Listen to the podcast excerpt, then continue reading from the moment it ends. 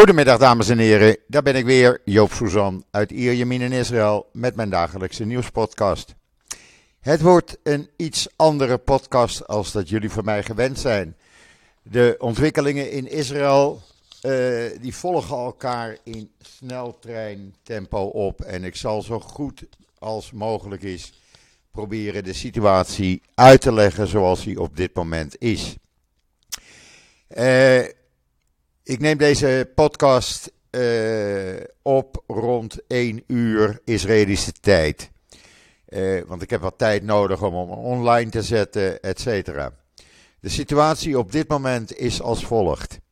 De aangekondigde toespraak van premier Netanyahu is er nog steeds niet gekomen. Uh, algemeen was de verwachting na de ontwikkelingen van de afgelopen nacht uh, zal ik zo uitleggen, dat hij uh, een toespraak zou houden en aan zou kondigen dat hij de gerechtelijke hervormingen voorlopig zou stopzetten tot na de Pesach en de feestdagen, zodat er onderhandelingen konden kunnen plaatsvinden met de oppositie. Die toespraak is op dit moment 1 uur uh, in de middag nog steeds niet gekomen. Waarschijnlijk onder druk van uh, Smotrich en Benkwier, de twee extreemrechtse ministers, die gedreigd hebben dan uit de regering te stappen, waardoor er geen regering meer zou zijn. Wat is de situatie? Wat is er gebeurd sinds gisteravond? Gisteravond werd, wat algemeen verwacht werd, eh, minister van Defensie Galant ontslagen. Eh, omdat hij een tv-toespraak had eh, gehouden zaterdagavond. Waarin hij eh, het belang van Israël boven zijn eigen belang stelde. En waarschuwde voor de gevolgen voor de veiligheid van Israël. Het feit dat zoveel reservisten niet meer komen opdraven. Betekent dat de, de gevechtskracht van de IDF snel aan het afnemen is. Ehm, hij werd daardoor ontslagen. Nadat dat nieuws bekend was geworden, gingen later op de avond uh, honderdduizenden mensen, er wordt zelfs gesproken over 600 tot 700.000 mensen, door heel Israël de straat op. De nadruk lag vooral in uh, Tel Aviv natuurlijk, waar uh, ja, hordes mensen de Ayalon bezetten. Rond het Azrieli Centrum in Tel Aviv demonstreerden. En dat duurde tot vroeg in de ochtend. Dit was een spontane actie. Uh, uit protest tegen het ontslag van de boodschapper. Want zo is het eigenlijk. Je brengt de boodschap en je wordt ontslagen. Het blijkt dat Galant diverse keren aan Netanyahu had gevraagd om het veiligheidskabinet bij elkaar te halen. Uh, zodat hij de situatie kon uitleggen wat hem was meegedeeld door de chef-staf van de IDF en alle hoofden van de veiligheidsdiensten, de Binnenlandse Veiligheidsdienst, eh, de Mossad, etc. Netanyahu heeft dat keer op keer geweigerd. Hij wilde uh, het nieuws niet horen. Uh, nadat uh, die demonstraties de afgelopen nacht plaatsvonden, in echt van het uiterste noorden van Israël tot in de Negev werd er gedemonstreerd. Uh, werd er aangekondigd dat Netanyahu dus een toespraak zou gaan houden. Nou, die is er op dit moment één uur nog niet geweest. Inmiddels is er wel door de Histadrut, de grootste vakbond van Israël, een algemene staking afgekondigd. Die staking omvat alles. Zowel de high-tech, die al dicht is, de winkelcentra die om twee uur dicht gaan. Uh, en zelfs McDonald's in Israël gaat vanaf twee uur haar poorten sluiten. Hoe lang die staking gaat duren is niet bekend, is onbekend. Uh, waarschijnlijk totdat er afgekondigd wordt dat de uh, gerechtelijke hervormingen voorlopig worden stopgezet. Dit is allemaal gebeurd met daar moet je gewoon van uitgaan. Uh, deze regering die maakt alleen maar wetten die Netanyahu beschermt. Beschermen tegen gevangenis. beschermen tegen het terugbetalen van 280.000 dollar. Want er is ook een wet aangenomen in eerste stemming al, waarbij uh, Knesset-leden, zo wordt het dan omschreven, uh, geschenken mogen aannemen om hun juridische kosten of medische kosten te betalen. Dat betekent uh, met name voor Netanyahu natuurlijk dat hij die 280.000 dollar die hij gekregen had van zijn inmiddels overleden neef, niet terug hoeft te betalen. Daar is die wet voor gemaakt. Heel simpel. Het is allemaal niet zo moeilijk. Uh, de gerechtelijke, gerechtelijke herzieningen, prima dat dat uh, uh, gebeurt. Dat moet ook gebeuren, maar niet dat het een politieke herziening wordt, waarbij rechters, de meerderheid van de rechters van het Hoge Rechtshof, benoemd worden door de coalitie en de Knesset. Die moeten onafhankelijk zijn en niet door politici benoemd worden. Daar zit de angel gewoon. Daar zit het grootste probleem. nogmaals, niemand is tegen gerechtelijke hervormingen. Je moet de zaak af en toe aanpassen. Uh, maar niet op deze manier. Vergeet niet, ik zeg het ten overvloede: Israël heeft geen Tweede Kamer. Israël heeft geen grondwet. Dat betekent dat het Hoge Rechtshof de enige controlerende instantie is. Tot nu toe, in al die jaren dat de staat Israël bestaat, zijn er slechts elf wetten door het Hoge Rechtshof afgekeurd in 75 jaar. Waar hebben we het over? De zaak is niet zo dramatisch als Netanyahu doet voorkomen. Maar uh, alles is in het eigen belang van Netanyahu. En dan mogen jullie mij uitmaken voor linkse activist of uh, weet ik van wat ik allemaal naar mijn hoofd krijg geslingerd. Prima. Maar de situatie is zoals die is. Alles wordt gedaan om Netanyahu uit de gevangenis te houden. Omdat hij zeker is dat hij, uh, als uh, er uiteindelijk een uitspraak zou zijn in zijn drie strafzaken, hij de gevangenis indraait. Dan zal dat niet van de een op de andere dag zijn, maar hij wil zekerheid. Dus er komen allerlei wetten waardoor dat wordt, uh, die kans wordt ja, verkleind, eigenlijk niet heel komt. Er is al een wet waarbij hij niet onbekwaam kan worden gemaakt. Dat wil zeggen dat als uh, de procureur-generaal zegt: Netanyahu, nou ga je te ver, jij bent niet meer bekwaam genoeg om premier te zijn, jij mag niet verder regeren. Daar is al een wet voor gemaakt, dat kan niet meer. Hij kan dus gewoon aanblijven. Dat is al richting dictatuur. En wij willen geen dictatuur. En iedereen die uh, uh, zegt van ja, maar Netanyahu dit en Netanyahu dat. Netanyahu heeft uitstekende dingen gedaan voor Israël. Tot 2019. Daarna ging het fout. Toen dat proces eenmaal begon, nadat dat bekend werd, toen ging hij raar doen. En we zitten nu met het feit dat we dus een algemene staking krijgen. Het land op slot gaat. Ben Gurion Airport is al eigenlijk dicht.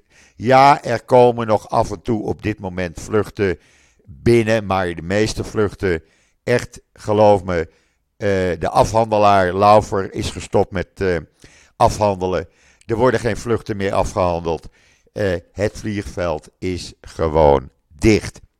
Ik hoor hier en ik zie hier op televisie wat er gaande is. En het baart mij enorm veel zorgen. Vanavond is er een oproep gedaan om vanavond naar Tel Aviv te komen door de extreemrechtse partijen van Smotrich en Ben Dat betekent al uh, problemen met de demonstranten. Daarnaast heeft uh, de supportersvereniging van Betar Jerusalem, de voetbalclub La Familia, heeft aangekondigd ook te gaan demonstreren. Uh, in eerste instantie hadden ze gezegd naar Tel Aviv te komen, zojuist om uh, drie minuten over één zag ik een tweet van hun voorbij komen. Waarin ze aankondigden dat ze dat om zes uur bij de Knesset zullen gaan doen. Nou, dat betekent dan oorlog bij de Knesset. En waarom? Omdat er vanaf twee uur een enorme grote demonstratie van honderdduizenden Israëli's bij de Knesset zal plaatsvinden. En die is niet om zes uur afgelopen. Men wil gewoon de zaak stoppen. De Labour-partij, alhoewel een kleine partij, heeft inmiddels een uh, motie ingediend om de Knesset te ontbinden. Nieuwe verkiezingen. Want dit kan niet zo doorgaan, mensen. Ik zie berichten langskomen uh, van mensen die naar ziekenhuizen moeten, die niet uh, er doorheen komen omdat wegen geblokkeerd zijn. Uh, ziekenhuizen zijn op stakingsmode. Dat wil zeggen dat ze op Shabbat systeem over zijn gegaan. Alleen zeer urgente gevallen worden nog geholpen. Advocaten hebben het bijltje erbij neergelegd. Startup Nation heeft de kantoren gesloten. De high-tech-industrie heeft de bedrijven gesloten. Uh, de winkelcentra, ik zei het al, gaan dicht. Dat betekent een week voor Pesach, betekent dat enorm veel hier in Israël. Want je doet je last minute boodschappen. Je moet je levensmiddelen in huis halen. Je moet je uh, tafelkleden, nieuwe serviezen, weet ik veel wat in huis halen. Je nieuwe kleding als alles dicht gaat voor onbeperkte tijd, zoals het er naar uitziet, uh, ja, dan hebben we dus een enorme chaos. En de winkelcentra hebben aangekondigd, Azrieli bijvoorbeeld en Big Centra, dat zijn de grootste in Israël, aangekondigd voor onbepaalde tijd dicht te gaan. Totdat er gestopt wordt met die wettelijke herziening. Het is allemaal niet zo moeilijk. Ik zou haast aan jou willen zeggen: man, maak het toch niet zo moeilijk voor jezelf, voor het hele land. Gooi het land niet in chaos. We weten wat je wil. We weten dat je gerechtelijke herzieningen door wilt drukken. Maar ga eerst met de oppositie praten. Ga met de tegenstanders praten. Probeer een modus te vinden waarbij iedereen tevreden is voor wat betreft die gerechtelijke herzieningen. Maar ga het niet doordrammen om je eigen hachie te redden. In, in, uh, uh, geef uh, Joaf Galant zijn baan als minister van Defensie terug. Hij was slechts de boodschapper van het slechte nieuws. Die ga je niet ontslaan. Je gaat de boodschapper niet ontslaan om je eigen hachie te redden. Waar ben je in vredesnaam mee bezig? Dit kan niet, Netanyahu. Je gooit een land wat dit jaar over een paar weken 75 jaar bestaat, gooi je in totale chaos. En waarom? Waarom? Waar hebben wij dit aan verdiend, Netanyahu? Alleen maar omdat je uit de gevangenis wil blijven? Dan had je niet zo dom moeten zijn om steekpenningen aan te nemen en fraude te plegen. Dan had je niet corrupt moeten zijn. Dan had je het, de pleidooi-overeenkomst moeten tekenen, uit de politiek moeten gaan, geen strafzaken aan je kont te hebben. Ja, en dan had je ervan afgeweest. Maar nee, die pleidooi-overeenkomst wilde je niet tekenen. Je wilde premier worden om je macht uit te oefenen. En nu zit een heel land in chaos. Er is een tweestrijd tussen ultra-orthodox en seculair gaande. Er is een tweestrijd tussen jouw aanhangers en de demonstranten. Er wordt Afgelopen nacht werd er op demonstranten ingereden door jouw aanhangers. Vind je dat een normale situatie, Netanyahu? Vind je het normaal dat mensen die demonstreren, die van hun recht om op demonstratie gebruik maken, dat daarop wordt ingereden met volle snelheid? Zie de video's. Zie de, de video's op Twitter, op Facebook. Of wil je dat niet zien? Luister je alleen maar naar je zoon die jou influistert wat je wel en niet moet doen? Luister je alleen maar naar je vrouw die jou influistert wat je wel of niet moet doen? Is jouw eigen belang dan zoveel belangrijker dan het belang van bijna 10 miljoen mensen die altijd in vrede met elkaar leefden, die een prachtig land hebben opgebouwd? En nu, door jouw handelen, ligt dat land in chaos gaat dat land, laat ik het maar op zijn plat zeggen, naar de kloten. En dat willen we niet, Netanyahu. Daar blijven we voor vechten. En als het moet, ga ik de hele nacht de straat op. Want ook ik blijf vechten om mijn kleinkinderen een mooi land achter te laten. En geen land zoals jij het wil creëren. Want daar beginnen we niet aan. En daar vecht heel Israël voor. En als ik nu afgelopen zaterdagavond, tijdens de demonstratie die ik bijwoonde, meemaakte dat ultra-orthodoxe mensen aan het demonstreren waren. Ik heb ze gezien. Ik wilde ze niet op de foto zetten. Er waren ultra-orthodoxe mensen die aan het demonstreren waren, die ook deze chaos niet willen. Je hebt de steun niet meer van het land. Geef het land de vrijheid terug. Treed af. Dat is het enige wat je zou kunnen doen. Dan maar weer nieuwe verkiezingen. Maar op deze manier kunnen we niet doorgaan. Je hebt een alternatief. Laat iemand anders van jouw partij minister-president worden. En doorgaan op een normale manier, zonder dat daar belangen op de achtergrond meedraaien. Want nogmaals, die belangen van jou, die draaien het grootste mee. En dat kan gewoon niet. En als in de komende uren het hele land op slot gaat, er geen mensen meer in en uit kunnen, bedrijven, fabrieken, winkels, restaurants, alles dicht is voor onbepaalde tijd. Is dit wat je wilt? Is dit zoals je het land graag ziet? We zitten net voor Pesach. Mensen moeten inkopen doen. Mensen moeten hun Pesach kunnen voorbereiden. Jij gaat dat onmogelijk maken. Jij gaat alleen maar aan jezelf denken. En sorry, Netanyahu, hoezeer ik bewonder wat je voor het land hebt gedaan, je zal nu de geschiedenis ingaan als de man die Israël kapot heeft gemaakt. Die Israël naar de afgrond heeft gebracht. Die Israël in tweestrijd heeft gebracht. En waarom? Waarom? Was dat nodig, Netanyahu? Moest dat gebeuren? Dit is onbegrijpelijk wat hier gebeurt. En ik volg, ik volg met angst en beven wat er de komende uren hier in dit prachtige land gaat gebeuren. Ik zie hoe het land kapot wordt gemaakt. En dat is niet het land wat we willen. We willen Israël houden zoals het was. Een Israël waar iedereen op een normale manier met elkaar omging. Waar Israël, waar iedereen probeerde zijn steentje aan de opbouw van het land bij te dragen. En niet een land af te breken. En dat is wat er op dit moment gaande is. Ik kan niet anders zeggen, mensen. We blijven ervoor vechten. Eh, ik zal jullie gewoon op de hoogte blijven houden van wat er de komende uren gaande is. Eh, er gebeurt elke minuut iets. Het is te veel om op te noemen. De orde van advocaten is gestopt met werken. Eh, artsen zijn gestopt met werken. Medische centra zijn gesloten. Wegen zijn geblokkeerd. Snelwegen zijn geblokkeerd. Honderdduizenden mensen voor de Knesset. Vanavond grote demonstraties. En Netanyahu, het is nu bijna half twee. Hij houdt nog steeds zijn mond. Ik heb hem nog niet gehoord.